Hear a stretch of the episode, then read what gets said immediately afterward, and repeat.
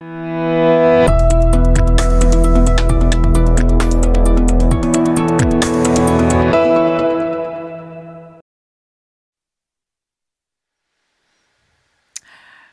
Välkomna till Techarenan live från Berns 2020. Vi brukar ha tusentals människor som cirkulerar i Almedalen i våra tält och lyssnar på paneler och diskussioner. Men nu hoppas vi att ni är lika många som sitter och tittar på den här webbsändningen. Här på scenen är vi lika många som vi brukar vara, men med lite coronaavstånd. Fokus på Techarenan det är ju entreprenörskap, innovation. Och det vi tycker är extra roligt det är ju förstås när vi ser de här bolagen, nu är vi inne på sjunde året här, hur de växer blixtsnabbt vissa och i en otrolig hastighet och dessutom i uppskattning. Hypertillväxt är temat nu. Och där har vi några som hyperväxer från startup till miljardbolag. Nu ska ni få träffa dem. Välkomna! Tack, tack. Och vi har också ett miljardbolag som har funnits ett tag på plats. Johanna Mattsson, välkommen. Tack. Det är ju så att du jobbar på Salesforce och du har fått ett nytt väldigt spännande område som du jobbar med. Ja, vi har fokus, eller mitt fokus är eh, i Norden på scale-ups. Mm. Och det är fantastiskt, för det är ju bolagen som sitter här eh, på scen med oss där, där vi ser någonstans 0 till 100 anställda. Eh, de går med liksom en digital anda först, investerar i digitaliseringen innan i personalen vilket innebär att de ja, har en flexibilitet som är fantastiskt intressant att följa. Om man tänker på vad som har hänt sen sist. Ja, ja. Titta på bolagen. Vad, Eh, ja, men sen sist, vi, vi träffades ju där i november någon gång. Mm. Eh, då var vi 47 000 anställda, nu är vi över 50. Eh, Q1 har vi just klart. Vi gjorde 41 procents eh, tillväxt i EMEA. Så att, mm. Eh, ja, det är väl ungefär vad som händer hos oss. Vi fortsätter. Eh, Scale-up-scenen ser vi ju att den fick en dipp i, mm. i mars-april. Mm. Men i maj så är tillväxten igång igen. Det är fantastiskt. Vi hade vd Salesforce här i morse, din kollega Dan, som berättade också om hur ni ställer om också nya tjänster uppenbarligen som ni också anpassar efter, efter pandemin. Men jag tänker på de bolag du har sett också genom åren när du har varit med. Kan man säga någon trend? Jag pratar ofta om att ha hållbarhet i botten, men mm. vad skulle du vilja säga utifrån ditt perspektiv?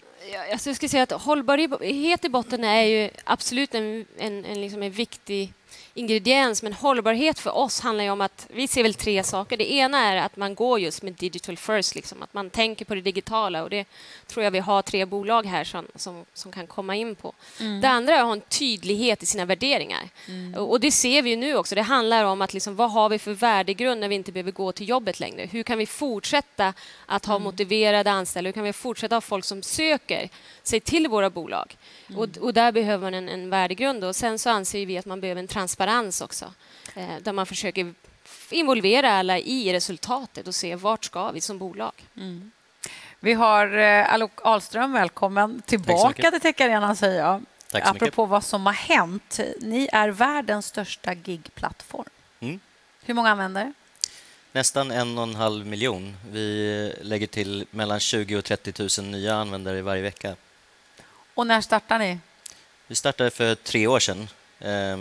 Det var lite kul. Första, det tog sju, åtta månader innan vi kom till de första 10 000 och då, eh, användarna och då köpte vi såna ballonger med ett 10 och ett K. Men, men sen har det gått så snabbt så vi har faktiskt inte köpt några ballonger. det är fortfarande 10K. Ja, precis.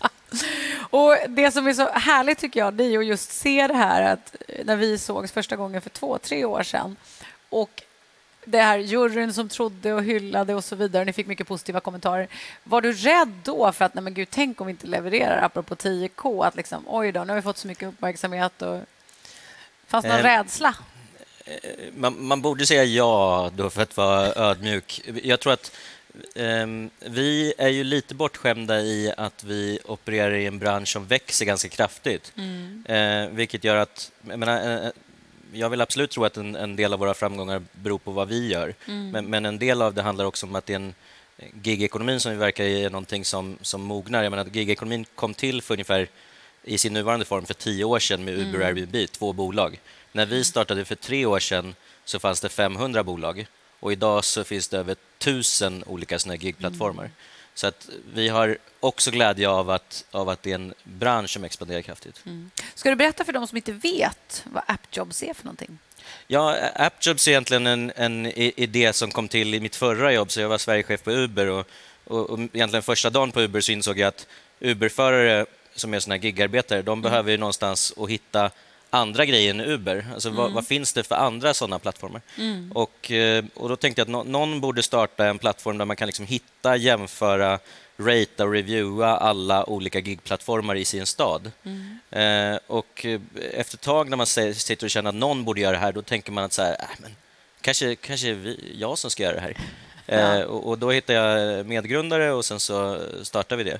Och Då startade vi i, eh, först i London och Johannesburg ehm, för tre år sedan. Och Sen så har det växt, så nu täcker vi ungefär 40 länder. Fantastiskt. Man ska inte vara en stor publik här nu så kunde ge en applåd. Allok, vi ska prata mer om det, men nu tänkte jag också att vi ska träffa eh, Maria som var med oss igår, Hedengren som är VD på Readly. Du var med och pitchade i år, men eh, det går ju väldigt bra ändå. Ja, kan det du berätta om er resa? Ja. Ja, och jag, jag känner att vi var vinnare igår också och var Mm. finalist eh, i ett sånt fält. Alltså. Det, det blir man ödmjuk inför. Så det var Ja, det var hundratals bolag Ja. som har sökt in och ni Ja. tillhörde då de 14 som Ja. gick till final. Det var jättekul.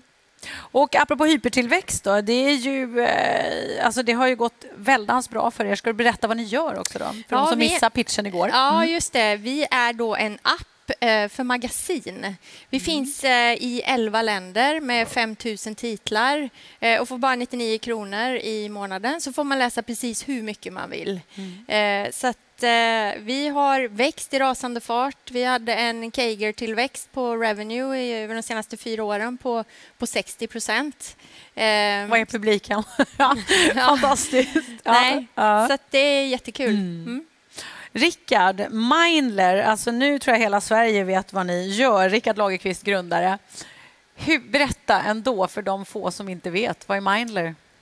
Eh, jo, Mindler är behandling av psykisk ohälsa online, eller psykolog online om man så vill. Eh, ett bolag som eh, grundades av mig tillsammans med två psykologer 2018. Så relativt nytt. Och sen dess eh, har vi gått eh, mina två medgrundare är psykologer, så att eh, vi grundade bolaget i februari 2018, började behandla patienter i maj 2018, så det är nog också någon form av rekord från idé till Ja. att gå live. Och med de två första grundarna då, som också är psykologer, så har vi gått till eh, 200 psykologer idag. Och vi är närmare 250 totalt i Sverige och Nederländerna. Så gått snabbt. Ett nytt psykologsamtal börjar eh, varannan minut ungefär. Så Alltså, vi, vi räddar liv eh, ja. dagligen. Men ni måste ju ha märkt förstås det alla talar om, det många paneler talar om och inte bara att ekonomin går dåligt, människor mår väldigt dåligt under pandemin. Absolut. Mm. Det, det blir ju eh, när man förlorar eh, rutiner och eh, det, det är mycket oro, särskilt ekonomisk oro har ju en tendens att gnagas in i själen för de flesta av oss som har drabbats och eh, det har vi ju såklart märkt av. Eh, samtidigt, jag, vill ändå nämna det att många andra, eller en del andra tillstånd, till exempel stress och utmattningssyndrom, där har vi faktiskt sett en minskning som en följd av att man är hemma, man kan inte vara med på alla möten, man blir tvungen att ta det lugnt. Så att en liten sidovinst där, men också en stor ökning eh, till följd av pandemin. Men konkurrenter, man tänkte precis lite som du sa, men det här borde någon göra. Var det så ni tänkte? Och finns det några konkurrenter med tanke på hur gigantiskt snabbt ni har växt? Ja, alltså när vi började, det var, det var väldigt få. Jag måste vara ärlig och säga att eh, Kry hade börjat nosa på det här med psykologi. ehm, och, eh, men vi såg ju snabbt att det här kan vi göra mycket, mycket bättre. Eh, och ehm, eh, det, det var också en rädsla, tror jag, det här med psykisk ohälsa. Eh, det var inte så många bolag. Jag är läkare i botten, vilket säkert hjälpte. Mina två medgrundare är psykologer. Sen är vi ju uppenbarligen entreprenörer allihop också, men, men vi var inte så rädda för att ta i det här problemet som vi alla kan relatera till. Så att eh, då, var, då, då fanns det inte så mycket konkurrenter. Nu kan jag relatera till dig här med Appjobs. Nu finns det väldigt många, men vi har ju sett till att ha en eh, framskjuten position och eh, ja, ha ett bra momentum och och eh, vill behålla den här eh, led, ledartröjan så att säga. Mm. Det här med varumärket också. Jag tänker vända mig till dig, Johanna. Det är ju, nu sitter vi med tre extremt framgångsrika bolag. hur behåller man, apropå momentum i det här, apropå konkurrenter som kommer upp och liksom, om du tittar på de bolag du har liksom tittat på genom åren och din erfarenhet? Alltså jag tror att det, det kommer tillbaka till värdegrunden. Alltså, mm. Genom att ha den här tydliga värdegrunden med liksom att få transparensen i bolaget. Vart vill vi? Vart vill vi med medarbetarna när medarbetarna kommer ombord? Så är det ju så att då kan man tillsammans hela tiden pusha framåt. Ja, men det här är tre fantastiska bolag med enorma entreprenörer i grund och botten. Mm. Och jag menar, det gäller ju någonstans att föra den den värdegrunden och, och attrahera talangerna. Mm. Eh, för det är det det handlar om, att attrahera rätt talanger som vill springa med en i samma takt och, och gärna någon som utmanar en i innovationen och se till så att man får den där mixen. Det såg vi igår med med pitcharna. Va? Alltså mm. En hel del av bolagen som står där och pitchar. Det är väldigt många olika kulturer, olika diversifiering i bolaget. Det skapar en innovation när man tänker lite olika. Och Det mm. tror jag, liksom, det är ju alla ni säger, det säger att ni skapar era jobb för att ni såg att på Uber så, vad hände sen då? Och Det är mm. det det handlar om, att hela tiden utmana status som vi har idag. Och jag kan ju tycka att Även om det inte är jättekul att, att vi har en pandemi och, och folk får stanna hemma och bli av med jobben så tror jag att många har behövt det här uppvaknandet. Det, det du var inne på med utmattning, stress, att man... Tid för självreflektion var det någon som sa i någon panel. Mm. Alok, vad är utmaningen för er apropå det? Det är gigajobb, det är det man har pratat om mycket också som försvinner. Alltså taxichaufförer, apropå det ju, som inte har några körningar alls. Eh, små lokala restauranger och så vidare som har utmanats, även fast många växer lokalt också. Hur märker ni det hos er? vi märker det... Om, om, man ska vara mindre positiv då så får man mm. säga att eh, det, det, pandemin har inneburit för oss är ju ett, ett enormt behov av våra tjänster. Mm. Men accelerationen har varit så kraftig att det också offsettar balansen mellan supply och demand på, mm. på de här marknadsplatserna. Mm. Och, eh, och Det har gjort att väldigt många gigarbetare har fått det tuffare. Inte mm. bara inom sektorer där eh, efterfrågan helt har försvunnit, till exempel mm. taxi och liknande, utan mm. även inom sektorer där efterfrågan har skjutit i höjden, till exempel mm. leverans. Mm, mm. Eh, så att, eh, jag skulle säga att utmaningen som vi helt plötsligt har ställts inför, det är hur kan vi hjälpa, inte bara de här människorna att, att hitta en intjäning, mm. men hur kan vi också eh, hjälpa till att vad ska man säga? Jag ska inte säga att vi ska bli ett socialförsäkringssystem, men hur kan vi också hjälpa till att, att eh, jobba med vissa av de andra trygghetsfaktorerna mm. som finns på arbetsmarknaden? Maria, eh, vi hörde, du sa ju Hanna, värdegrunder här är viktiga. Hur, hur jobbar ni Readly inom det? Hur tittar ni på ja, hållbarhetsarbete? Har, har, man tid med det när man växer så här fort? Eller sätter man sig ner och gör policies, eller det gör vi sen? Eh, jag skulle säga att eh, en värdegrund eh, som främjar ett tillväxtbeteende är en kritisk framgångsfaktor. Mm. Så att de som säger att de inte har tid med det de tror jag biter sig själv i svansen. För att det är snarare en, en förutsättning för att bibehålla hög tillväxt. Mm. Att folk törs och tar initiativ, mm. att de vågar fatta beslut, att man inte har för mycket hierarkier och det här med processer Eh, det får man vara lite försiktig med, tror jag. Mm. jag. jag. tror mer på... Man ska naturligtvis ha struktur mm, mm. Eh, och vissa grundläggande saker men jag tror mer på att jobba med tydliga mål och tydliga förväntningar på hur vi beter oss för att mm. lösa problem tillsammans. Mm. Eh, då behöver man inte så mycket processbeskrivningar. Liksom. För Det tror jag är en risk, speciellt i tidigt stadium av ett mm. bolags eh, liv. Så att jag tycker det, det, är en avgörande framgångsfaktor. Mm. Man måste ta sig tid med det. Mm. Hur, nu, vad har ni för utmaningar nu? Vad, liksom, vad jobbar ni med? Eh, utmaningarna nu, det, det, är att hinna med allt. ta, ta vara på alla eh, möjligheter skulle ja. jag vilja säga. Vi är ett litet bolag, vi är runt 100 man nu, apropå mm. det du sa, scale-up. Vi bör liksom, någonstans börjar vi lämna det snart, men vi är fortfarande där och vi försöker hålla i kostnaderna mm. och vara effektiva. Jag tror att vräka in nya anställda, det är inte alltid lösningen. Då kan man lätt tampa Mm. tempo för att mm. det är massa människor som måste ombordas och grejer. Mm. Så att eh, vi försöker eh, skala det vi har. Vi har mm. sjukt skalbar verksamhet. Men det är ändå så här att man måste prioritera och det tror jag också är viktigt. Eh, att liksom prioritera vad är viktigast, vad är målet? Det tror jag är mm. viktigt när man är ett ungt bolag som ska växa snabbt och inte säga ja till allt. Det finns aldrig brist på goda idéer. Eh, men om man försöker bli bra på allt, apropå det här med Mindler till exempel, som då Mm. kanske konkurrerar med Kry. Ni är superspecialister på, på det, liksom. Mm. vilket jag tror är en god förutsättning för att konkurrera med redan etablerade spelare. Mm.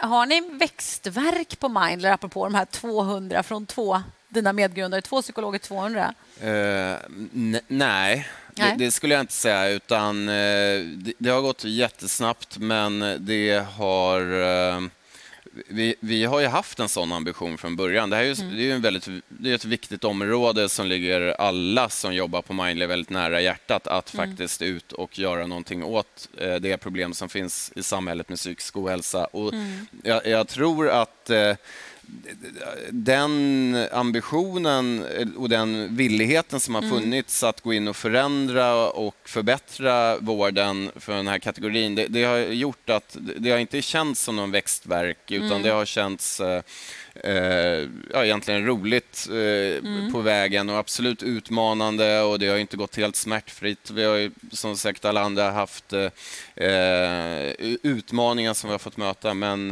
jag skulle inte säga växtverk Nej. faktiskt Nej. utan vi har hittat eh, processer och strukturer att kunna växa på det här sättet och kunna fortsätta på samma sätt. Det, jag tänker på det du säger nu, Johanna. Ni är Salesforce ett stort globalt bolag. Sverige har vi, talar vi alltid om på Techarenan att vi är fantastiska på innovation, startup och scale-up. Det är därför vi har Techarenan. Men är Sverige verkligen ett väldigt bra land att, precis som Mindler och de andra två bolagen här, växa snabbt? Hur ser du på det, Johanna? Jo, men där, alltså, ser vi till Europa så är ju Sverige i topp tre. Du har, ju, eh, du har ju England och Tyskland och sen är ju Sverige där i topp med Frankrike. Så att, det, vi är ju det och jag tror att det framför allt som vi ser eh, är ju att i Sverige har vi en benägenhet att de här tech-miljardärerna som vi har skapat med, med Spotify och så vidare och Skype de investerar tillbaka pengarna i Sverige. Och jag tror det är ganska unikt ifall man kollar i förhållande till de andra nordiska länderna som vi också jobbar med. Så ser jag det att investerarna som i Sverige som har lyckats fokuserar sig verkligen på att ge tillbaka tillväxten till nya saker. Och Det tre, eh, tror jag triggar att vi i Sverige kommer att fortsätta växa samtidigt som vi också är mer öppna i vårt samhälle om att ta in. Och, Det här är ju viktigt med arbetskraft som kommer från andra länder så att vi kan mixa det här och, och skapa innovation. Sen har vi ju också svenska stiftelser som lägger rätt mycket pengar på forskning och utveckling. Och, och Det tror jag faktiskt har, har gynnat den, den svenska startup-miljön. Vi hade Ann från eh, Vinnova här igår som pratade just om liksom hur det ser ut och vad Vinnova gör för startup och techbolag. Men jag tänker, Alok, hur ser... eh, När man tittar på bygga bolag, eh, du sa nu ni är ju flera länder. Är Sverige exceptionellt bra, som du ser, att bygga bolag i? Vi har Eh, politiker som kommer i eftermiddag. Ja, just det. Ja, så man får vara försiktig med på. vad man Nej, säger. tvärtom. Eh, Passa på. nej, Ja. Jag, jag kan du säga skick- att, skicka med någon jag, jag fråga? märker nog inte riktigt knappt av. Jag, jag tänker inte på det som att vi är i Sverige i, i vårt bolag, utan alltså min medgrundare, han är turk som bor i Polen för att hans fru är där. Jag bor egentligen i Sverige för att jag har en son som är sju år som Mm. behöver gå i skolan här. Ehm, jag menar, våra team, vi har 67 ans- an- medarbetare Mm. och de täcker 20 nationaliteter och befinner sig i 10 länder. Alltså vi har liksom en, en DevOps i Paraguay och en Data Scientist i Brasilien och tre backends i Nigeria. Ni, och, ni är inte alltså- ett svenskt bolag, det är det du säger? Nej, jag skulle säga att vi inte är ett svenskt bolag. Eh, Men jag menar, sättet som man märker Ja. att vi är ett svenskt bolag är att vårt redovisningssystem är ett svenskt Och, redovisningssystem. fun- och redovisning i Sverige, det är kanon. Ja, det funkar bra, men det är frustrerande att det inte går att få ut rapporten på engelska. Titta där. För att Har vi- resten av bolaget kan inte riktigt läsa dem, så att de, de får lita på mig att, jag, att, det, Det är du som att fixar det ser det. bra ut med ekonomin. Det gör det säkert. Jag tänker bara apropå det, Readly, ni, hur svenska är ni? Apropå de titlar du nämnde. Nej, men vi är är ju tiotal nationaliteter i alla fall. Eh, och eh, vi, det är så komiskt, för ibland kommer vi på oss själva, då har vi suttit och pratat engelska en timme, men det finns bara svenskar i rummet. Liksom. Känner Eh, så att eh, det... eh, Det är ingen så här faktor var man kommer ifrån. Det är klart att det är en hel del svenskar och från Växjö och sådär. Eh, Men vi har många från alla Alltså, möjliga en hel del svenskar från Växjö, sa du det? För är lite roligt. Växjö, vad har Växjö som jag har bommat där på Techarenan som innovationsstad? Ja, men Eller? det är en innovationsstad. Ja. Det är, vi brukar kalla det för eh, Sveriges Silicon Valley. Det finns ju hur mycket techbolag där som Ja. helst. Spelbranschen är där. Just ja. Eh, mig ERP, apropå här. ERP-system, eh, Visma och Fortonox. Det här visste ni allihopa utom jag. Alltså. Ja, men, ja, men det, Vi Just, har koll eh, på läget. Ja, det är bra att du är ambassadör. Ja, men det, här är det, det. Mm. det är en, eh, ett teknikhubb, skulle jag säga. Det, där vi satsar all vår utvecklingspersonal mer eller mindre. Ja. Nu, Mindler är ju Sverige fokus, men hur ser ni på den globala marknaden? Eh, psykisk ohälsa är ju ett globalt problem, ser ungefär likadant ut i hela västvärlden. Cirka 15 procent eh, har en så att säga, eh, behandlingskrävande psykisk ohälsa. Så att eh, vi har egentligen från första eh, stund sett Sverige som en startmarknad. Eh, Så vi har, vi har haft ett globalt eh, perspektiv från början faktiskt.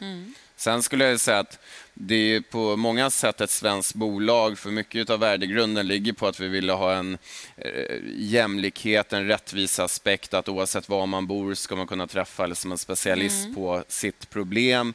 Ehm, och, men annars kan jag ju relatera till det ni säger att vi, ja, tittar man på huvudkontoret här då är det ju jag fick lite dåligt samvete. Jag borde ju veta hur många, men det är många i alla fall, nationaliteter och psykologerna kan behandla på över 20 olika språk Oj, i alla fall. imponerande. Att, eh, och, och vi har ju verksamhet igång i Nederländerna också, Mm. som vi startar i januari, som en första marknad utanför Sverige. Så att, Otroligt spännande. Jag, tänker, jag vänder mig till dig nu, Johanna. Alltså, finns det någon...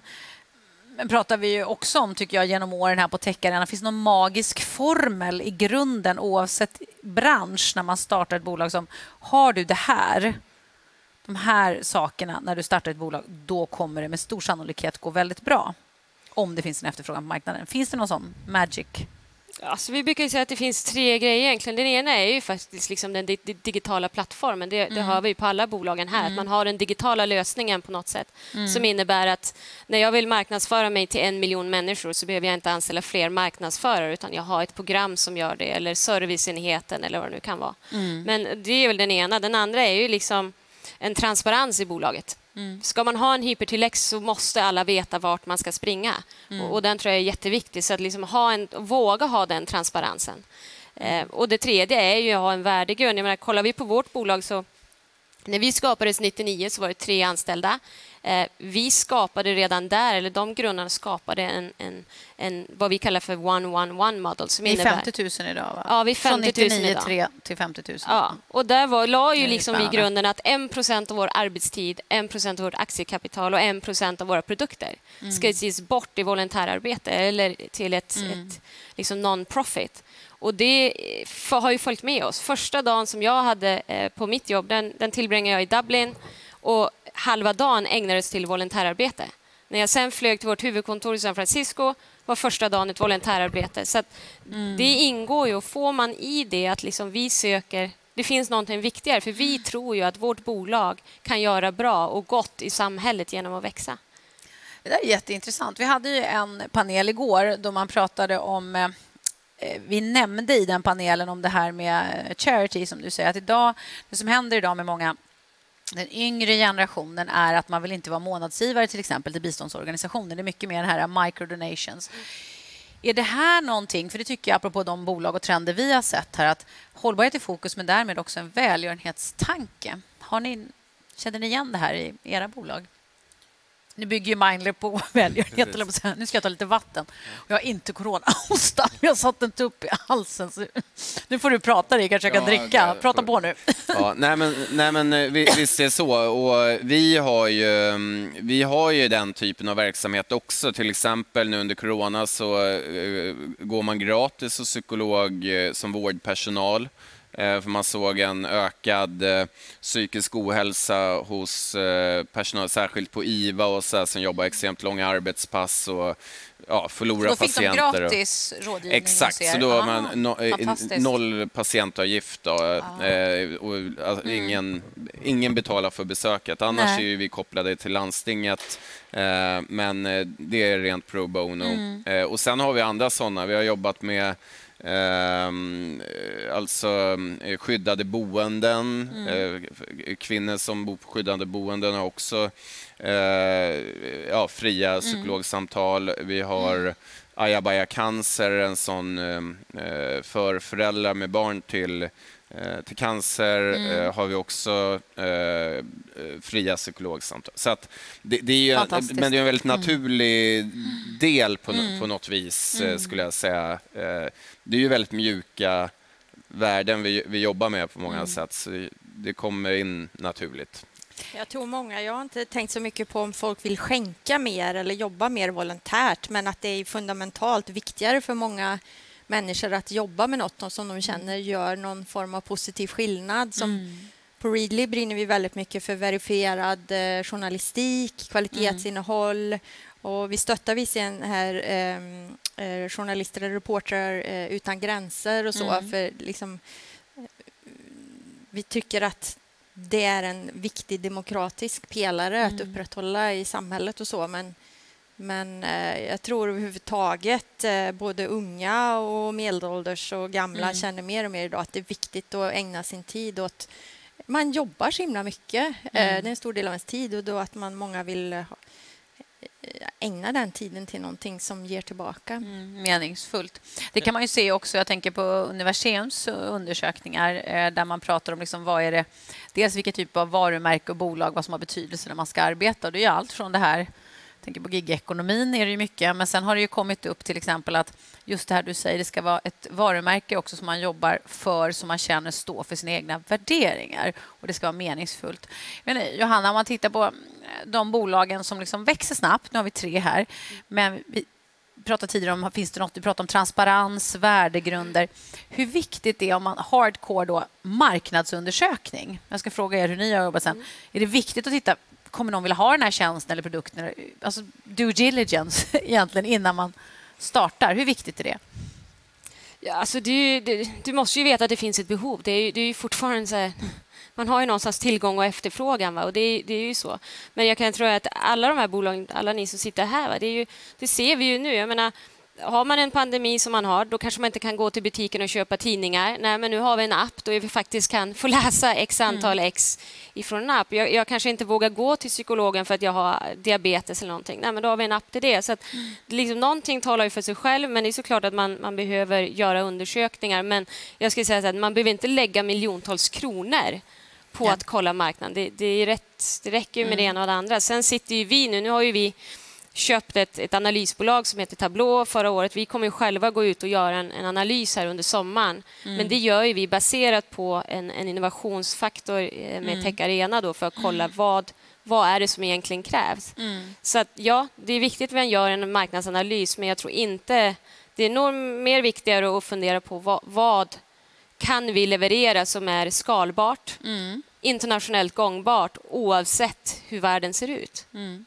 Alok, du sa ju själv, du gjorde ju egentligen en due diligence när du var på Uber, eller? Ja, precis. Alltså, jag skulle nästan vilja hålla med Johanna här i att ehm, det, det är klart man kan göra marknadsundersökningar, men nu kanske det finns en selection bias i vi som, oss som sitter här, men ehm, ja, det, vårt bolag börjar ju inte med en marknadsundersökning utan ett, ett, ett upplevt behov som, som vi ser och en övertygelse om att det behöver lösas och en upplevelse av att det här är någonting som finns, som, som finns det här problemet är någonting som behöver lösas över hela världen. Och, eh, och, och det var egentligen vår utgångspunkt. Sen gick vi faktiskt inte in för att verifiera den mer än att vi med passion började bygga lösningarna. Eh, och, och faktiskt också till em, emot många råd som vi fick. Många råd var att så här, men börja på en plats och, och bevisa att det funkar där och sen kan ni skala. Medan vår tillväxtresa har varit mer som att det har varit mer som ett sånt roulettebord där vi har placerat många bets, många små bets och sen så har vi sett var det puttrar någonstans och sen så har vi flyttat mer resurser dit det puttrar. Ehm, så, så jag skulle säga att absolut marknadsundersökningar kan nog användas som komplement men eh, det viktigaste är nog att börja med, en, med en egen, ett eget upplevt problem för Mm. annars så förlitar man sig bara på en powerpoint-produkt. Liksom. Då tar man ju alltid fram Apple. Det har vi väl hört till leda i och för sig. Men det var ingen som visste att de ville ha en touchphone innan den kom, tänker jag. Men Readly, jag reagerar ju som för detta journalist här på det du berättade om eh, Reporter utan gränser. Den där biten, var det någonting liksom som kom under arbetets gång? Det här att vi vill liksom verka för, apropå källkritik och i den värld vi lever i. Hur, hur kom ni på idén från början? Nej, jag tror det, det är någon form av... Det har växt fram inom oss. Eh, vad håller vi på med? Varför gör vi det här? Och jag tror vi alla som eh, jobbar eh, på Readly, vi tycker om tidningar och magasin. Det är någonting vi har konsumerat mycket genom åren. Eh, och, eh, men vi också eh, lever i en digital värld och ser att det borde finnas så mycket större potential i det. Så jag tror... Eh, Ja, och så blir man ju bara förfärad hela dagarna eh, när man tittar på vad det finns för eh, fejkkällor av eh, information där ute. Och det är ju klart att vi om vi ska kunna, ha, kunna leverera magiskt innehåll till konsumenterna då måste det finnas eh, förlag och journalister som kan leva på det. Så att, ja, men det bara föll sig naturligt, tycker jag. Jättespännande. Jag hade eh, min, ett av mina barns kompisar som sa att 9-11 var fake. Jag har hört att månlandningen är fake, men 9-11 var nytt för mig. Så att, Oj. kan ni, har ni att ta tag i. Ja. Men det här var inte fake. Det var väldigt trevligt. Ses vi live? Tror ni det? Kommer vi kunna mötas fysiskt nästa sommar med alla tusentals deltagare? Jag Det gör hoppas. Ja, men Ja. det satsar vi på. Det får vi hoppas på. Ja. Otroligt trevligt att ha er här. Ser fram emot nästa möte. Tack ni där hemma för att ni var med oss. Och eh, om ni är med oss om en stund igen så kommer det fler spännande paneler. Vi har också utrikeshandelsministern här på plats. Tech Arena live från Berns.